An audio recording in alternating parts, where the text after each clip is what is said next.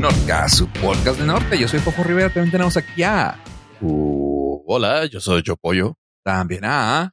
Abraham Estrada, saludándoles desde Ciudad Guajua, Juárez. Pam, pam, pam, pam, pam. Pam, pam, pam, pam, pam. Pam, pam, Pam, pam, pam, pam. ¿Cómo andan? Eh, muy bien, gracias por preguntar. Mi semana estuvo muy bien. Este, me di cuenta que eh, soy un fanático del pan para hot dog. Pollo, ¿cómo estás? Eh, sorprendido que hasta esta altura de tu vida te hayas dado cuenta de esa maravilla. Sin embargo, sorprendido más intrigado. Ahora estoy intrigado de por qué llegaste a esa conclusión A hasta tus este momento. 48 años, güey. Sí. Es que, ¿cuál Y es su mayor, cuál es su mayor problema en la vida? Eh, quererme hacer un hot dog y no tener pan y tener que hacerlo en pan de sándwich y sabe todo feo, pero cumple con el propósito. Que cuando pides Sí. el hot dog, güey, ya le hayan puesto aguacate, güey. No sé por qué, güey. O sea, esos son problemas menores, pero este, que te sobren panes cuando compras la bolsa de ocho panes hot dog. Eh, te falta management. Sobran panes, güey. O sea, o sea No, como me que- la pongas, sobran no, panes. no sobran panes, lo que te falta es compromiso Lo que contigo. te falta son Winnies. Lo que te falta es Winnie. es Winnie. Eh, salchicha Digo, para los que viven después. todos, ¿no? Salchicha para los que viven después de la Gilotepec. Este. Hoy, esta semana me di a la tarea de innovar eh, gastronómicamente, aunque sea aquí en la casa. Me Pinche di- Jamie Oliver te viene guango, güey. A ver, Sí, sí, no, comenta, no, no. no. Eh, creo que ya habíamos platicado aquí que un nito es un pan para hot dog con chocolate. Correcto. Ah, Entonces, como me sobraron panes para hot dog y en realidad no los usaba antes yo para nada. O sea, eran pan para hot dog, te los comes para hot dog. ¿Nunca Entonces- te hiciste un sándwich en un pan de hot dog? No, es la primera vez que tampoco, los utilizo Ah, para algo diferente. No, ¿Dónde viven? Les falta barrio, chavos. Pues tú ya vivías en el 2022, yo apenas acabo de llegar. ¿Nunca has hecho eh, un, este, ponerle huevito revuelto al pan de hot dog y luego su No. capsucita arriba? Hijo su...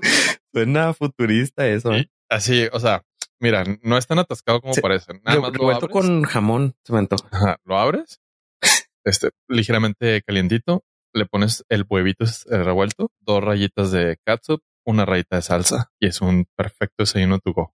Y se me antojó, pero con huevito con chorizo, güey.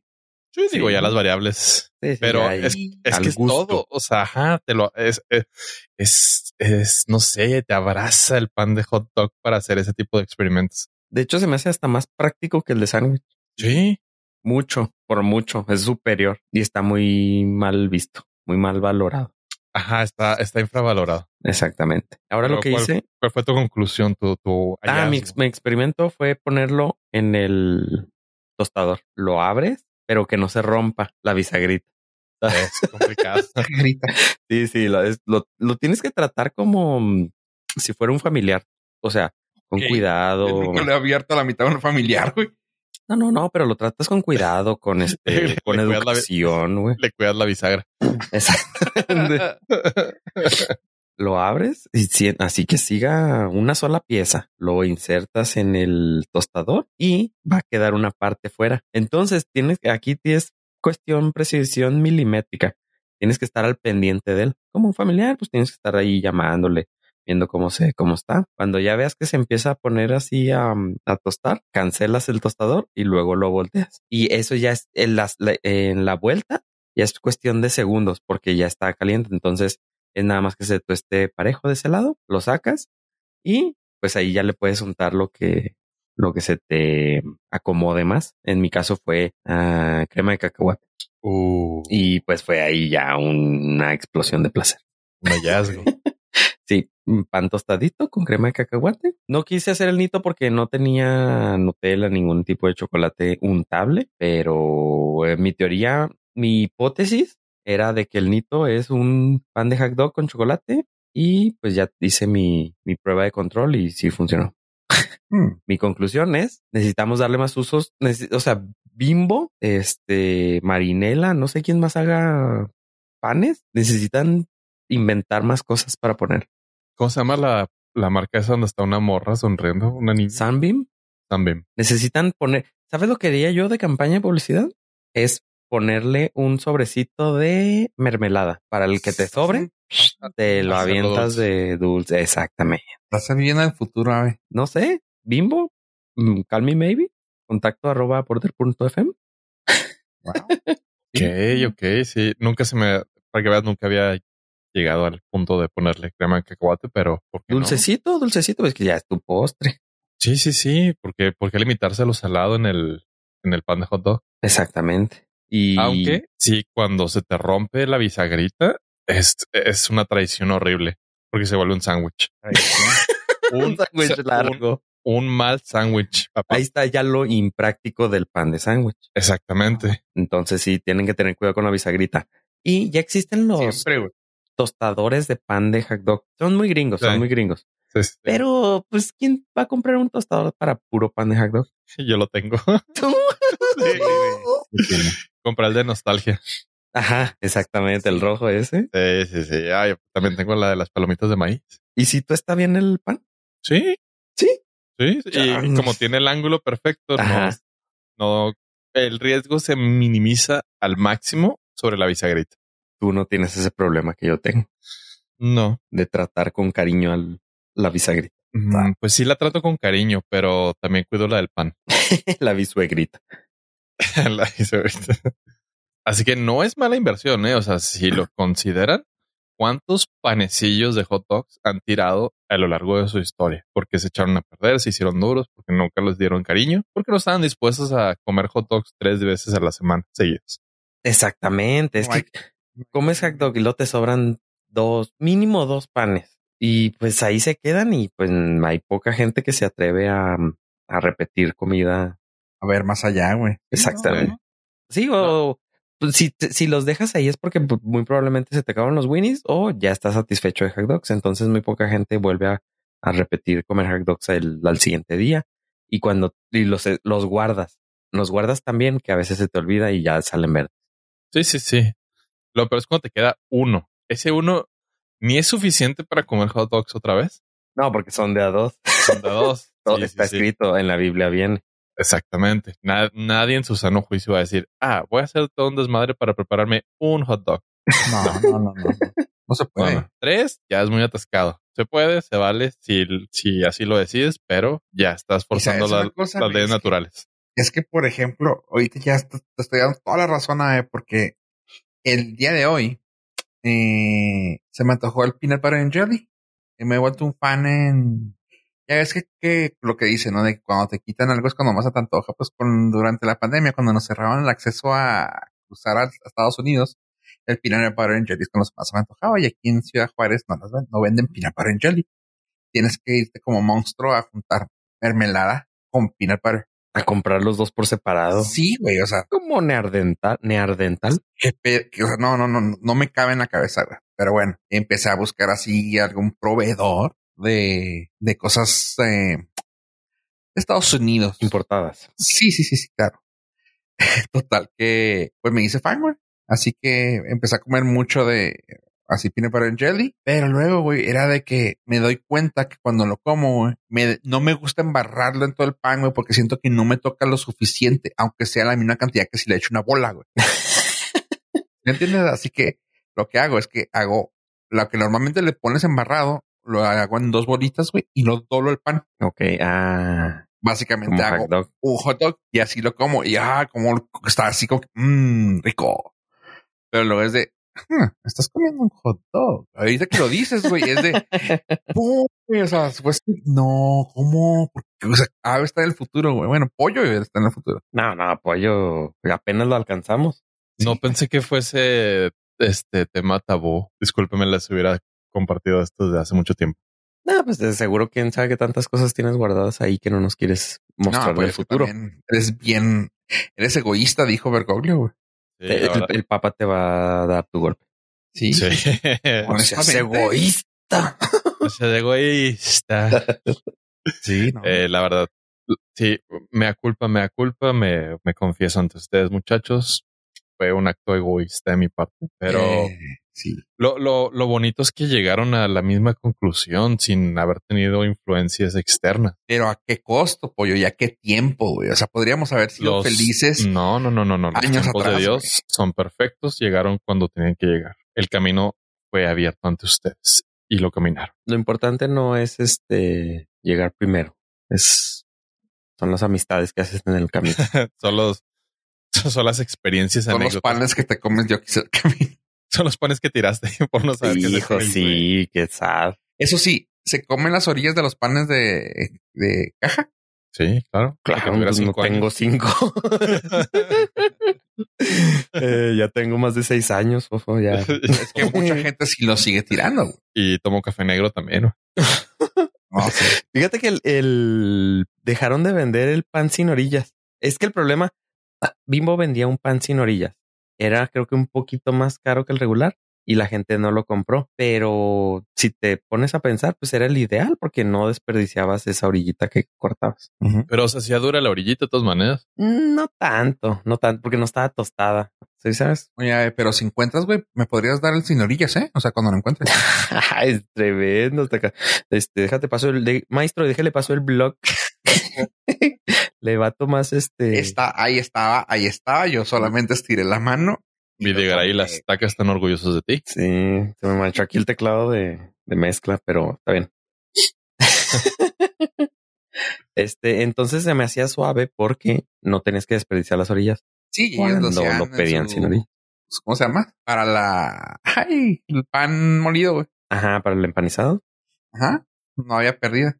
Sí, pero la gente, este, se hizo una encuesta y no, más bien se contactó a servicios de distribución y fuimos notificados de que la gente no lo estaba consumiendo. Entonces es su culpa Ah, caramba. que ya no lo vendiera Bimbo. Sí. Por algún, pero bueno, yo no me, o sea, sí me acuerdo vagamente que existió el producto. La verdad es que nunca lo compré, pero te entregaban la misma cantidad de producto o si salías con merma aparte que era más caro. Nah, pues, pues no te dabas cuenta. Nunca, nunca me puse a medirlo, fíjate.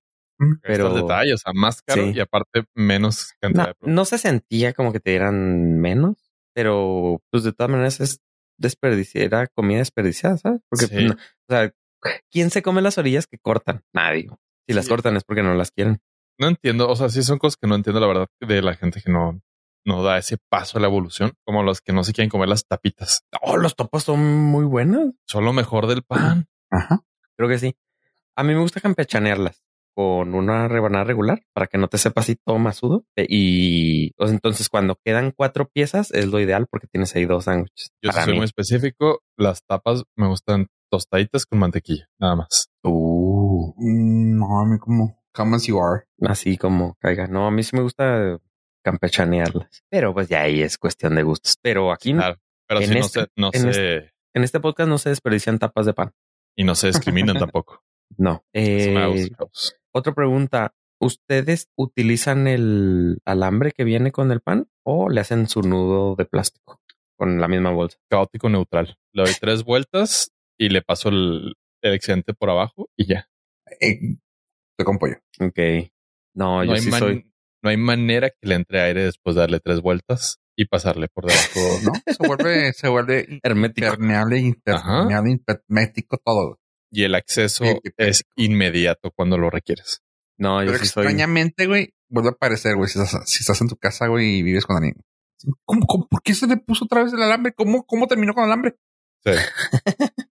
los duendes, los duendes. Sí, güey, o sea, lo, lo tiras, güey, lo quemas, güey, le echas agua bendita todavía al alambre, güey. Y ya cuando vuelves al siguiente día, ah, cabrón. Y luego te pasa de que, ay, necesito un alambre. Y chin, lo tiré. Ajá, pero- y tampoco está en el pan. Pero cuando no lo quieres, ahí está en el pan. Ajá, sí. O aparece, sí, de- de- a mí me pasa que aparece tres días después en la, en la, en la cocina. O sea, sí, en la, en la barra de la cocina. Tú sí eres extremadamente metódico, entonces quiero suponer que sí le das Sí, sus cuatro claro. vueltitas al, al alambrito. Eh, soy de los que, Es que a veces está más práctico que se me hace caer tener hasta un velcro, güey, para el pan, güey. no, no, no, sí utilizo el alambre cuando se puede. ¿Seguro? Es que cuando está muy nuevo, como que no se puede, o sea, es necesitas el alambre, ¿sabes? No, no, no, no es cierto. No, no nos quieras mentir. O sea, es, me es más complicado hacer el nudo cuando eh, la bolsa tiene muy poco plástico excedente. Siempre hay suficiente para darle una vueltita y pasarlo por debajo. Pero si tengo el problema de que deshago el, el alambre y cuando lo vuelvo a poner, lo me gusta ponerlo justo como estaba, que no se note que le di más este vueltas. Que se vea de fábrica. Ajá, sí, que se vea de fábrica. Incluso busco así, sí, las vueltas tienen que ser las mismas. Hence, Ay, perdóname, el metódico. Perdóname, Diosito. Sé que eso no está correcto. Pero... Imagínate que harías si te dieras libertades de vivir, güey. No sé, a lo mejor sería. Dejarte crecer el cabello y andar libre por la vida. Sería a lo mejor muy feliz. Pero pues, nunca. Eso ¿Qué, harías con, ¿Qué harías con todo el tiempo que te sobraría de no estar contando las vueltas del alambre, güey? Me, seguiría estudiando, yo creo. Ya sería CEO de alguna transnacional. Sí, un MBA, algo así tendría ya. no puedo creer que, que, bueno, no, no, rectifico. Perfectamente puedo creer que hagas eso, pero es inconcebible. Todavía te sigue sorprendiendo. Pues es que siento que es como algo de género, digo, sin, sin conceder ni asumir nada, pero siento que es de las cosas que, que son muy comunes por género. La mayoría de los hombres nada más le damos vuelta y papo abajo. El tuck in. Estás diciendo que yo sería como el. Ah, ¿Cómo se llama? Se me olvidó el nombre del. El, el Teletubi morado. Tú serías como el sol. no se sabe si, como niño guerrero, que no se sabe si era niño o niña. No, se sabe qué va a ser. o sea, nomás es. Es. Eh, muy bien. Existes. Existe. sí, pues ese soy yo. Más o menos. Me acabas de describir. Sí, es, es digo, son esas tontas de peleas ficticias donde son cosas que hacemos por género como que supuestamente todos los hombres dejan la tapa arriba, todas las mujeres dejan la tapa abajo. Pues sí, pero pues es trabajo para los dos porque no cierran el maldito baño y ya. porque no usar, usar pañales lo más lo ideal. o no usar nada. Ajá. Bien. Y ya, te quitas el problema. Ninguno de los dos. Ok, ni, tú ni yo. es que sí, oye, ¿por qué? Porque tienen que haber problemas con eso. O sea, a ver, a ti te molesta que la deje abajo porque luego puede amanecer pues, mojada. Para mí es más fácil subirle y dejarla así, güey. Es más fácil ceder y sentarte. Honestamente sí, pero pues tampoco. luego, ¿cómo juegas Pero, o sea, realmente se ahorran mucho tiempo al bajar las dos tapas y cerrarlo cuando ya no lo usan y luego abrir las dos tapas y es, demasiado. Mm, aquí suena como problema. Es más fácil sentarse, güey, como dice. Eh, pregunta para trivia. Eh, no, no podríamos ser roomies los tres. por muchísimas razones, pero alguna en particular. Pues lo que estás mencionando, tendríamos ahí nuestra primera discusión. Sí, yo, sí, soy completamente el, la tapa del baño, o sea, la última o la primera, como la veas, existe por una razón. Sí, hasta que lo escuché de ti, me pareció totalmente lógica, pero yo soy este sumiso. Mira, es que yo hago lo que se me dice. Sí, sí, claro. Yo, voy a contar una anécdota que no es de lo más agraciado, pero con esa anécdota aprendí. Yo también era de los que dejaba la tapa abierta, porque pues, está implícito. Sin embargo, en una ocasión ah, me metí a bañar y pues todavía no me terminaba completamente de despojar del, de las de las prendas que me acompañaban. Entonces me hizo muy fácil aventar la ropa por arriba de la regadera y cayó justo en el retrete. Y dije, entiendo ahora el significado de por qué hay una maldita tapa que podría haber evitado eso. Afortunadamente el retrete estaba limpio, no había problema, pero el simple hecho de sacarlo de ahí no, ya es. me hizo cuestionarme mi vida. Sí, veintitantos años de decisión, de malas decisiones. De malas decisiones llevaron, culminaron en ese momento. Y dije, no me cuesta absolutamente nada bajar la tapa. Sí, sí. bueno, las dos tapas para que se entienda yo hasta que lo escuché de, de ti fue cuando dije, claro, tiene todo el sentido, está diseñado, o sea, tiene un propósito, pero el noventa y tantos por ciento de las personas no lo hace. Sí, se me hace, se me hace algo difícil de un desperdicio. Sí, sí, sí, un desperdicio de, diseño. Deja la, la, el asiento abajo y la tapa abierta. Y yo, no, pues si te me están, o sea, yo normalmente lo dejaba abierto completamente, pero luego me dijeron, déjalo así. Y yo, no, pues si voy a bajar uno, pues bajo las dos. Así que ya hago igual lo que pollo, o sea, yo ya bajo todo. Es más fácil. Sí. Y hasta, hasta por equidad de género. O sea, si me chingo yo, te chingas tú también. Exactamente. Los dos. Exactamente. Si me vas a decir que lo tenga abajo, pues mejor cerramos todo y tú tienes que subir y yo tengo que también subir y bajarlo. De hecho, nosotros tenemos más trabajo porque tenemos que subir y bajar. Sí, pues es igual. No, porque normalmente ellos les van a dejar abierto. Ah, bueno, no, pues, espera, pues igual. También la mayoría de los vatos nada más la dejan abierta. Ah, no, yo digo de nosotros dos, pues tú y yo. Y Ave ah, también, que creo que. No, Ave no. No, Ave ya la deja. Como Ave ya nomás se, se sienta siempre. Yo si lo ah. dejan, yo nomás lo abro, me siento ya. Dicen que está cambiando su apellido por Smith. Ave Smith. Sí. sí, es que luego, ¿cómo, ¿cómo te pones a leer las noticias? Con una mano es complicado. Sí, sí, sí. sí. Sí. Ok. Aunque pierdes ese momento mágico de estar como a, ¿qué será? 30 grados de inclinación detenido con una mano sobre la pared. Es que es mágico ese momento. Es que el teléfono pegado a la pared es complicado. Oye, pero estás nomás, es, bueno, está bien, no va a juzgar. Oye, y para y cuando tú lees las notas, ¿no te gustaría poderlas editar? Uh, depende. Depende de qué. Pues no sé. ¿Qué notas eran? O sea, algo así como que a lo mejor un Twitter. Un tweet. Ah, sí, era un problema que existía en Twitter desde hace mucho tiempo. ¿Qué era?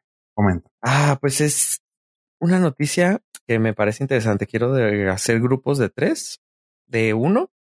Hagan grupos de uno. Voy a exponer el tema y luego quiero que ustedes den algunas conclusiones.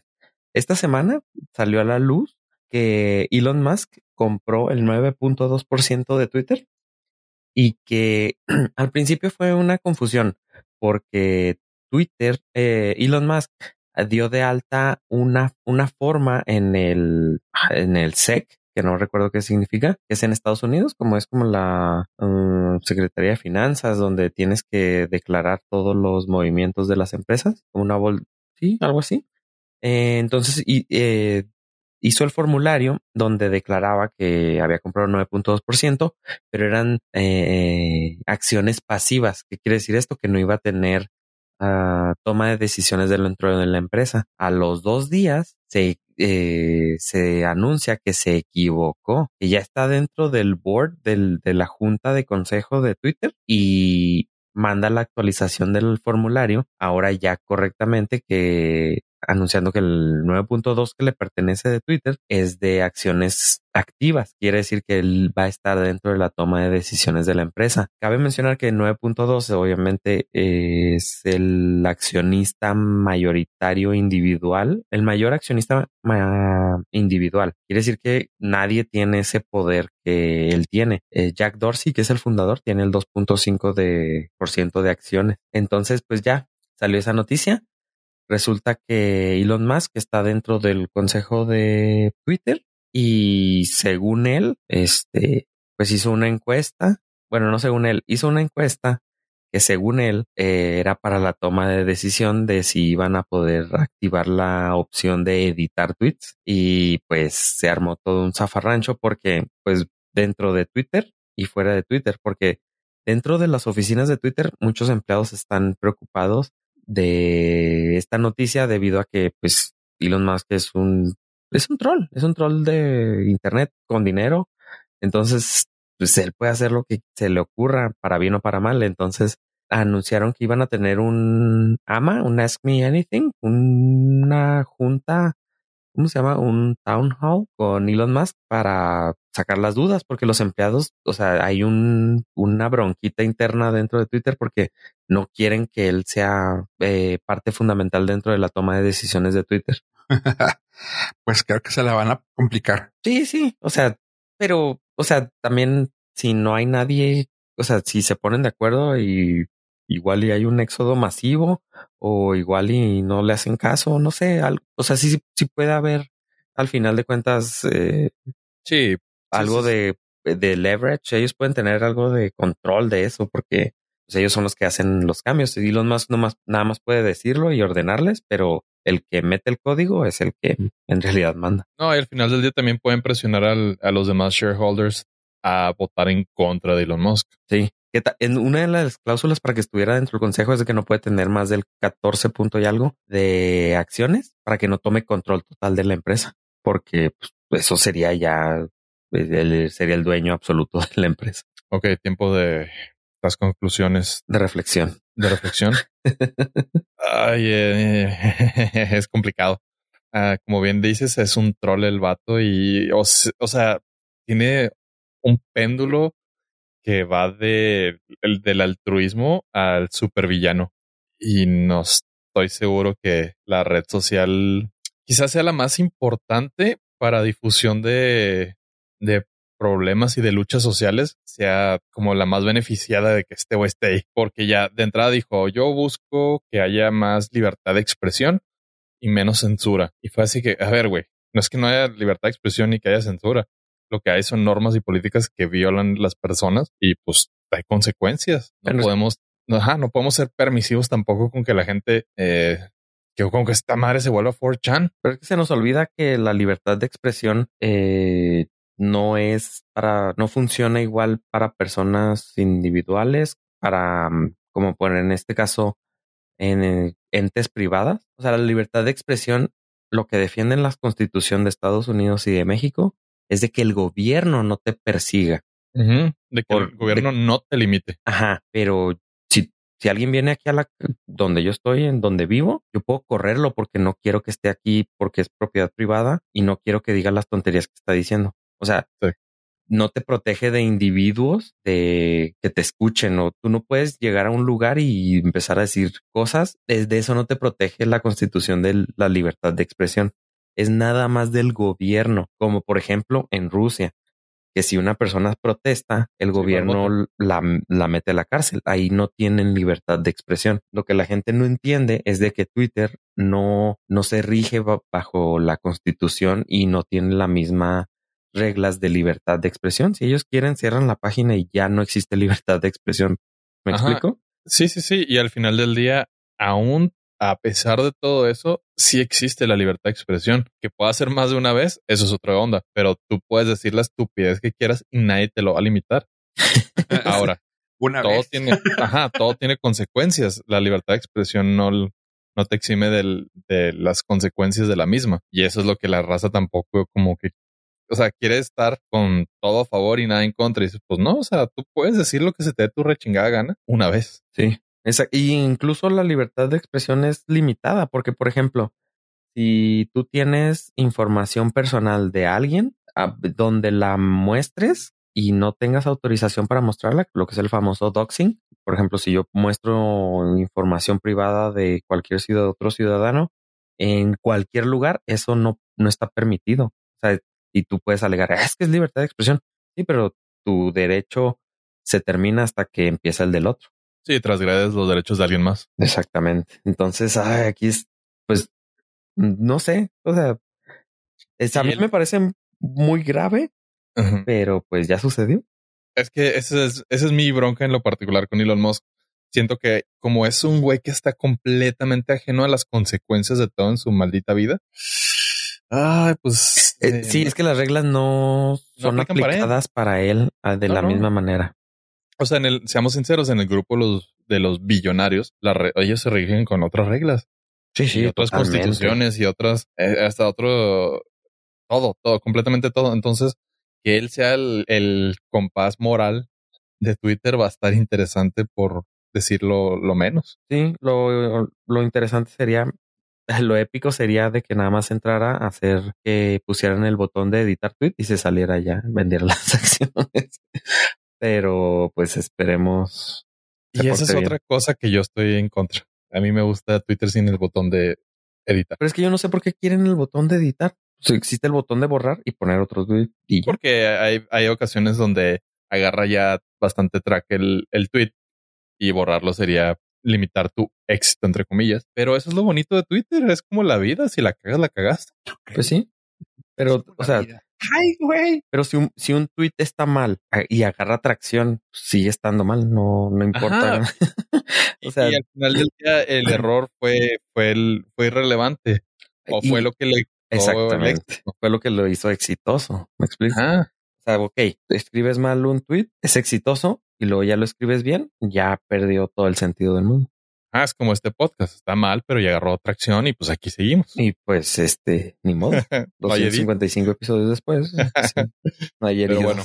Esperemos. Fofo, danos tus conclusiones. Sí.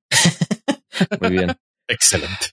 Este, ay, güey, es que yo también, yo también estoy de acuerdo con que no deberían de haber hecho tanto pex con el, con lo de la edición, el botón de edición. Sin embargo, una parte de mí sí dice, pues qué chido, güey, que se pueda. Pero, pero, así como hacen varias cosas, también que venga el, enseguida, un monitor o un pequeño algo que diga edited y te diga lo que se puso anteriormente, que Sí. claramente se puede. Que tenga su historial. Ajá. O sea, que diga edited. Ah, ok, perfecto. Le das clic y, ah, es que decía esto. Ah, perfecto, güey. ¿Para qué? Para que haya ah, responsabilidad, ¿cómo se dice? No, no responsabilidad, para que haya, Transparencia. pues sí, transparencia, pero que- Accountability. accountability, pero no sé cómo decirlo en español. Ah, La contabilidad. la, ah, la contabilidad. Ajá. Para que haya contabilidad. Ajá. Básicamente. No sé. Sí, o sea, para que vaya responsabilidad de la persona. O sea, sabes que sí, sí, sí, sí lo puedes editar por lo que dijimos. Ah, sabes que lo escribí mal, güey, y pues qué, qué oso, güey, que ya llegaban a 300 pinches RTs, güey, y dice, ah, no sé, güey, tr- tren, hito. Ah, tránsito. Ay, perdón, déjame lo edito y pongo tránsito. O ¿sí me entiendes? Que haya este tipo de responsabilidad que digas tú, ah, ok, pues ya lo cambió. O, ¿sabes qué, güey? Dije algo sobre X. Déjame lo pongo diferente, güey, que pues, ni modo, güey. No quiero perder esos likes o esos RTs o lo que sea. Pues lo modifico, güey. Pero pues que quede lo que ya dijiste, güey. Porque es como al principio cuando se hicieron eso en, en Facebook, ¿no? Que lo podías editar después. Empezaban a hacer troles así de que eh, la mamá de este güey me la... y- así. Luego ya te ponían comentarios y lo, lo editabas y lo... Mi madre siempre me cuida. Ay, güey, cómo es cool. Sí, así, cosas así que dices tú, ay, cómo maman, güey, pinches trolls, güey. Pero pues eso pueden hacer en Twitter y pues tampoco. Y como dices tú, a ver, sí, siempre se va a poder borrar, pero tampoco tiene el poder de un edit. O sea, mejor pues, editarlo, güey, y ya vives con sus consecuencias. Que diga edited. Editado. Ah, pues a ver, modificado. a ver cómo le va a la red social con qué cambios puede tener. Eh, por lo pronto, Mastodon tuvo un alza en su cantidad de usuarios registrados. ¿La banda, güey? ¿La qué? Ah, Pero siento que, eh, o sea, pasa lo, lo que hemos platicado anteriormente.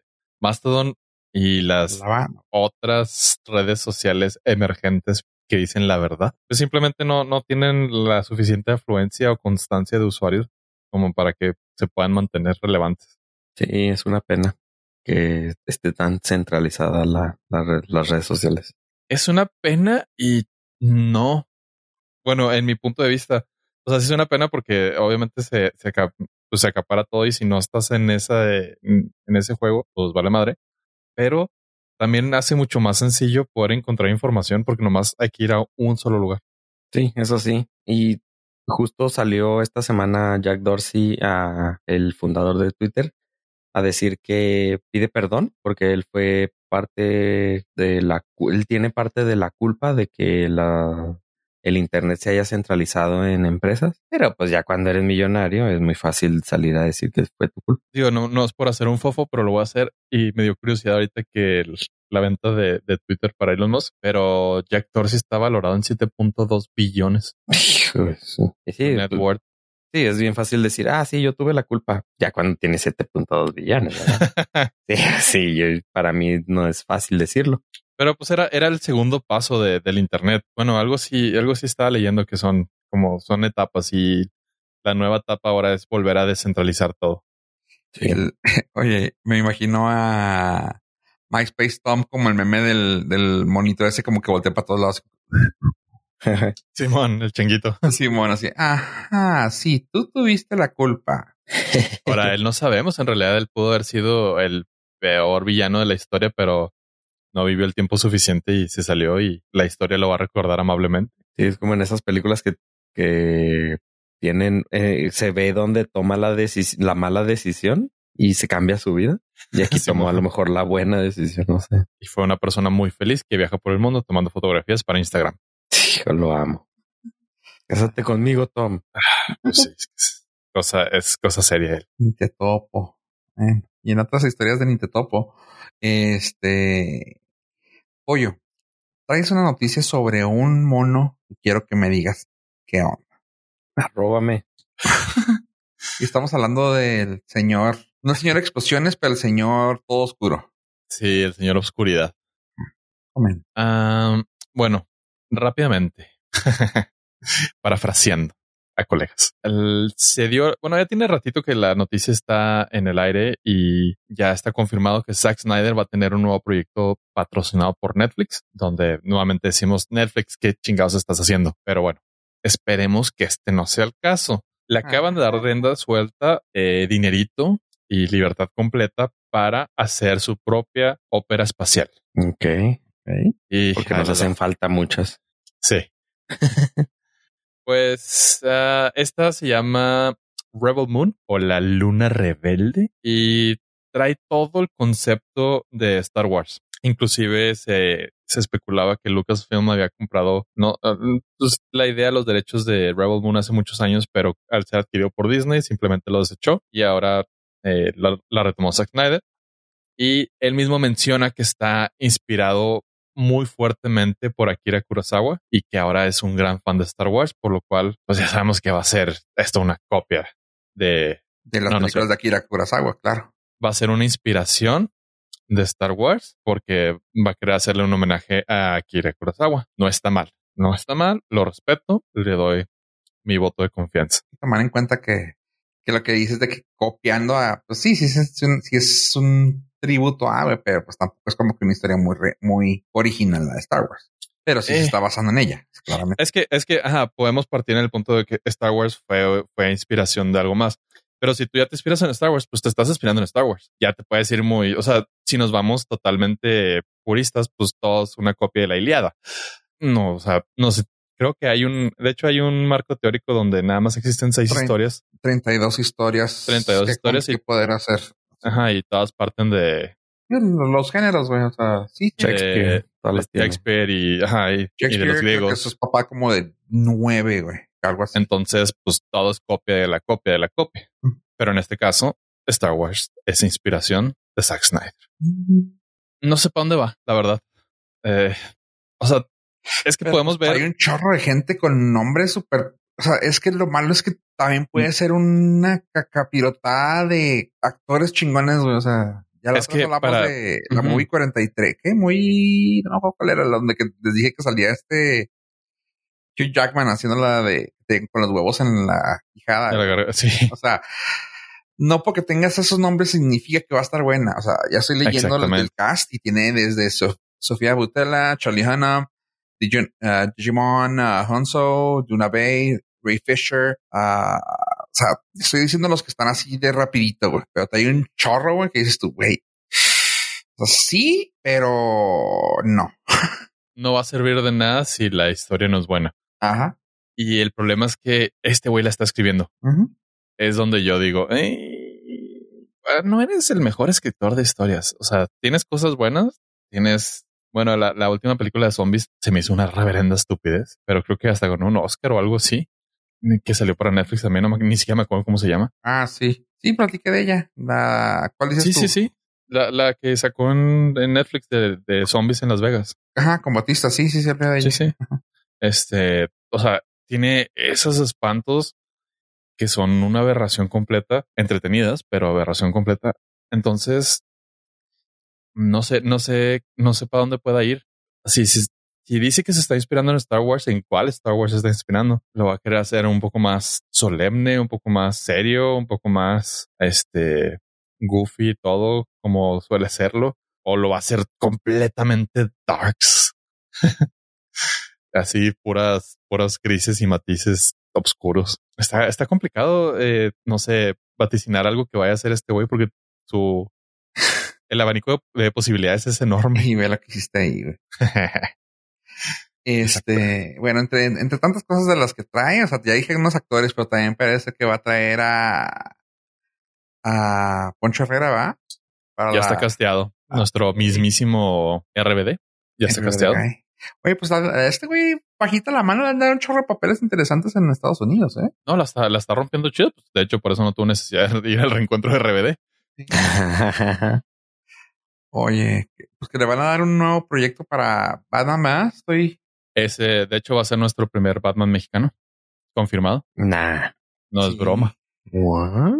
Eh, ah, así que han traído la, han traído unas ideas bien chidas ahora con lo del, con eso que traen ahora de moda, güey, lo del podcast, los podcasts, podcast. Este, Marvel sacó unos y han sacado varios cómics en formato podcast, como radionovela. Han sacado uno muy chido de, de Logan, de Wolverine, y ahora parece que van a sacar algo de Batman, El Venganzas. van a sacar el, el, el Venganzas, güey en todos los idiomas, entre ellos el español. Y Pollo dice que va a ser ¿quién? Poncho Herrera ¿Ah, va a ser nuestro mismísimo Batman, el desenterrado. Y soy rebelde. Y soy venganza. Y cuando los dicen los demás, y soy venganza.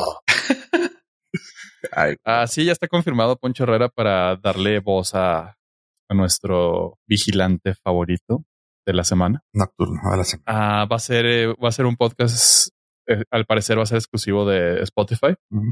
Y pues ya sabemos que eso lo va a colocar en los primerísimos lugares antes de ser estrenado. Fácil. sí. De hecho, va a recibir premios antes de ser estrenado. Pero es una, es, o sea, es una muy buena noticia para, para Poncho Herrera y también para nosotros. Es, es contenido de mucha calidad que están invirtiendo en, en, pues en México.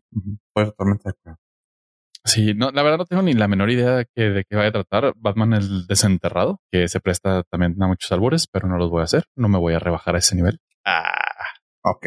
No se me ocurrió ninguno, la verdad.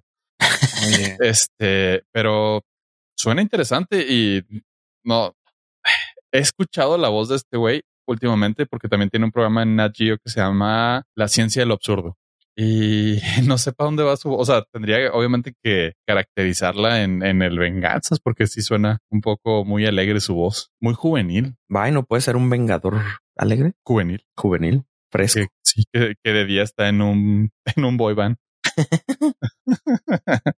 en una preparatoria. En una preparatoria, sí, de puros niños de 45 años. pues esa es la realidad. Eh, nuestro mismísimo Poncho Herrera va a traer la venganza este, auditiva. Pues todo. Les traigo una, algo sobre un vampiro también, si me permiten. También, también Batman es vampiro. Pues sobre un pinche cosa nocturna que normalmente se, se manifiesta con orejotas y con dientotes y así, patrón. Bueno, resulta que parece ser, resulta que parece ser que dicen que Roger Eggers, que es el director de The Witch, está en pláticas de hacer un remake de, la, de un clásico de la película de Nosferatu. Y parece ser que viene de la mano de Willem Dafoe y también Anna Taylor Joy.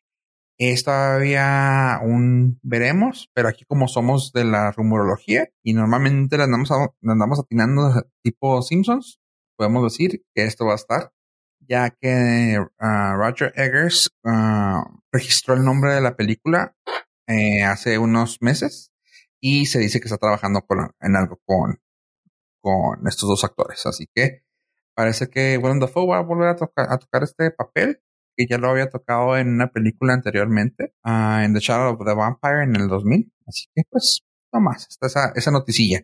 Ya había, ya, ya también traigo otra que también eh, está por ahí.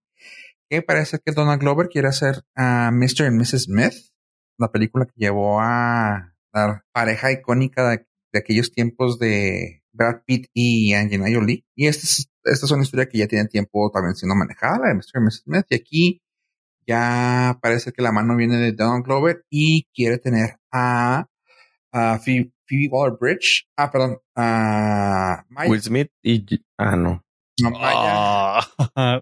Maya er Erskine como tal. como el papel de la, de la damita en cuestión y este güey como el principal. Así que, pues se me hace que va a estar chida, se me hace algo que puede funcionar. Me quiero ver a Glover en actuar en algo de acción. Ya lo he visto actuar en drama, en comedia, es buenísimo. Y pues, el cabrón este, pero pues vamos a ver cómo le puede ir con Mr. y Mrs. Smith. Si fuese Willie Jada, se me hace que sí se disparan de verdad. Probablemente. Esa es la última escena, paps. Oye. A ver quién sobrevive. Tenemos Pollo y yo algo muy encontrado, pues son diferentes películas, pero es el mismo actor que no nos cae bien, bueno, que no me cae bien a mí. ¿Abel Wilson? Entre tantos. y quiero, quiero hablar rápidamente de que pueden encontrar la película de The Contractor en sus internets. The Contractor eh, va a salir en Amazon Prime. y Yo tuve la, la oportunidad de verla, pero pasaban ahí un, un, teaser trailer, un teaser movie, y se llama el The Contractor. Es con Chris Pine. ¿El ratón Chris Pine? Sí, güey. no le había escuchado ese pod. Chris Pine. Chris Pine. Chris Pine. y tiene cara de ratón, así que es gracioso. Sí, güey. Pues bueno, la película está medianamente buena. No digo que está buena porque no. Es medianamente buena, te entretiene, te, te lleva así como que decir, órale, órale, órale, órale pero tiene ese tipo de problemas que han estado pasando últimamente con varias películas que está así de que, órale, órale, órale, ah, ¿neta? Ya, muere. Eso me pasó con esta película. Me mantuvo entretenido el 60, 70% de la película para dejarme caer en, el último cacho. Y fue así de, neta, qué gacho.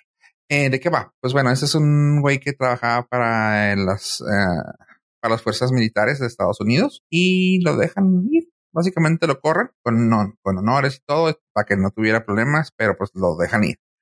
Lo contratan una compañía de privada para que siga haciendo trabajos ah, debajo del agua y resulta que pues se la juegan contra él. Y pues ahí empieza el desmadre. Ya. Eh, de ahí se empieza a desenlazar. Sí pasa ese rato, pero me, o sea, al último es de, ah, gracias. Pero a qué costo. Ajá, o sea, vamos, tiene 5.7 en IMDB con los colegas y 43%, 73% eh, con el tomatómetro y con la audiencia. Así que 43 tomatómetros, 73 con la audiencia.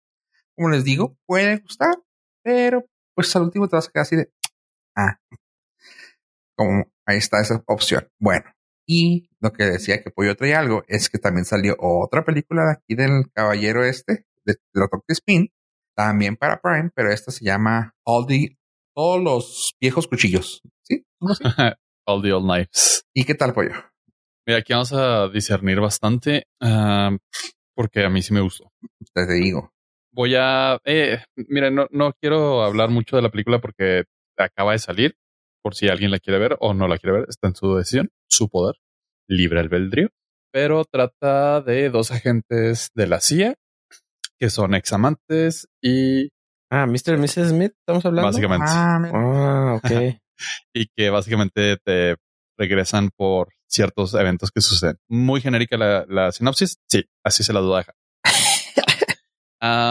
a mí me gustó, me gustó bastante. Es una película lenta que se cocina a fuego lento. Es una película de espías donde no hay nada de acción, nada o casi nada pero todo se saborea muy rico con los diálogos. Eh, es como estar, es como estar viendo un libro, pero son las palabras. O sea, ni siquiera es como que lo, que sucede, sino lo estás leyendo visualmente. No sé, e, es, es muy rara la, la manera en que lo, en que lo estuve eh, apreciando, pero me dio, me dio un, throwback a películas de espías eh, antiguas, tipo, no sé, los 40, 50 con Henry Bogart o, cosas por el estilo donde pues no, no había en realidad gran presupuesto para, para escenas este, explosivas. No es un Jack Richard, no es, no son putazos y madrazos y no, aquí es más, es, es la trama, es, es el engaño, es, e, es lo que se dice el uno al otro y la forma en hasta la forma en, en que se lo dicen eh, le genera valor y te va dando, pues, sí, pistas o, indicaciones por dónde se va a ir desarrollando la trama, pero está lenta. O sea, es una película que no es, no es divertida de ver, es entretenida de, de, de estar disfrutándola, pero tienes que estar consciente que pues es tan divertida como, no sé, leer el Quijote. Ok. pero está muy chida. Y en relación a, a, espías, pues eso también se me hace muy chido porque no todos son James Bond. O sea, hay espías que jamás van a disparar un, una sola bala, pero okay, su juego okay. mental y los diálogos y cómo, cómo interactúan con las personas hacen el éxito o el fracaso de una misión. ¿Cómo les fue a esa película? Hasta ahorita no tiene de audiencia en Rotten Tomatoes. La crítica es 65%. No está nada mal. Sí gana un poquito más. No está nada mal. Este, en, con los colegas, no sé cuánto le fue. Trae 6.1. 6.1. O sea, es promedio. No, no es, no es mala. Ok, perfecto. ¿Tú, Fofo? ¿Sí te gustó? No la vi esa, no la vi. Yo te digo ah. que me iba por el ratón Crispin, que a mí no me cae bien y pues Pollo la estaba vendiendo de una manera medio muy acá apasionada.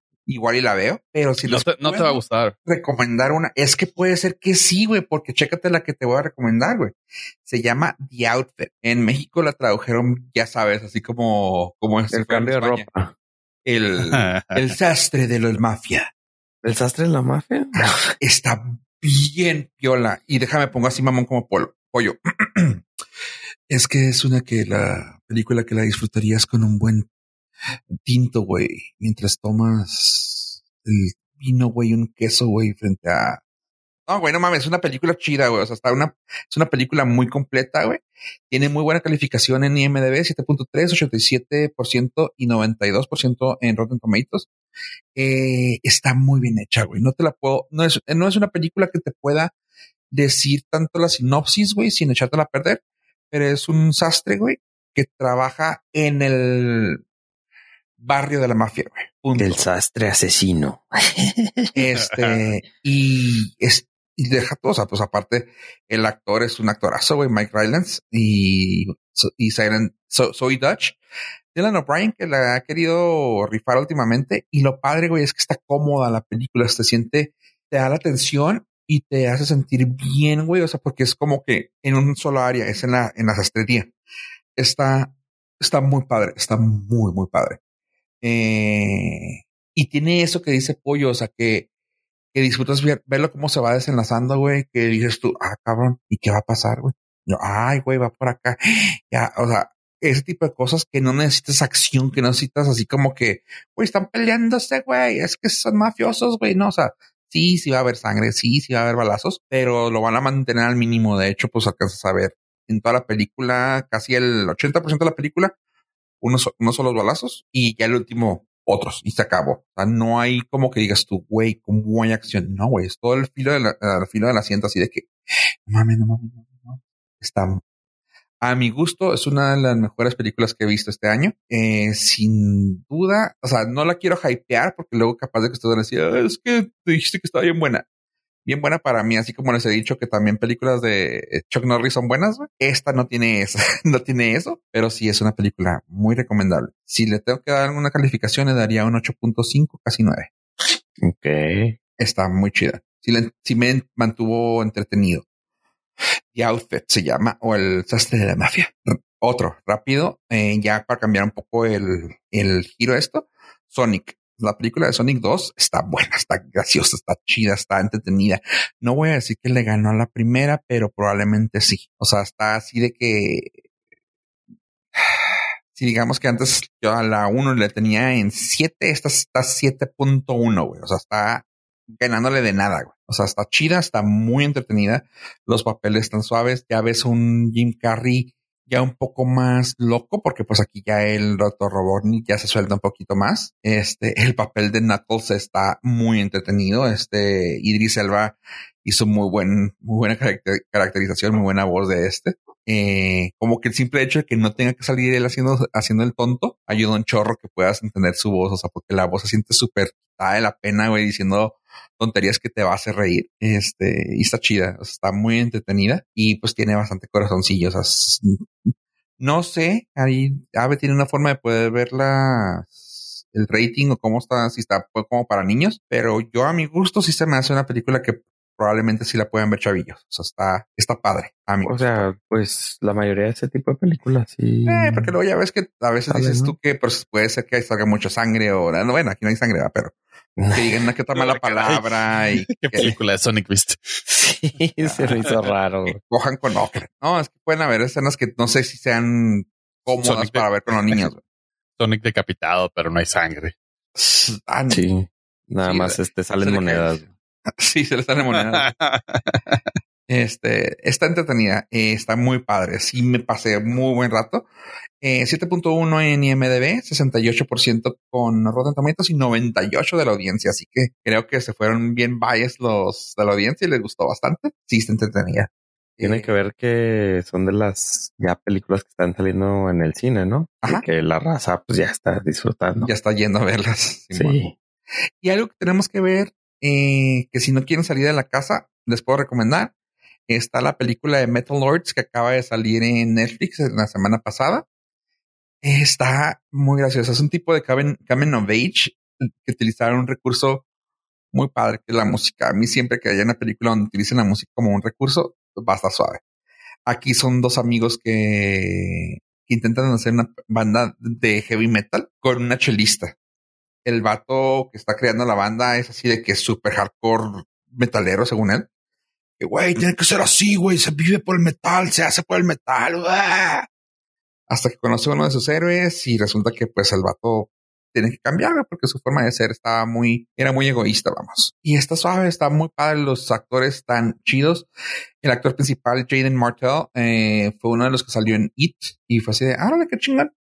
El, el chavo metalerote, no sé en qué más haya salido eh, famoso. Realmente creo que no. Mm, me estoy viendo, no, no ha salido en realmente nada.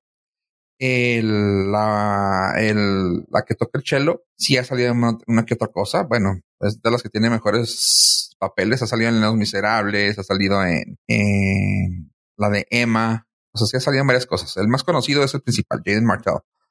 Ah, pero tiene unos cameos que de plano dices tú, ah, cabrón, ¿y este en qué hora salió? O sea, ¿por qué, por qué salió este?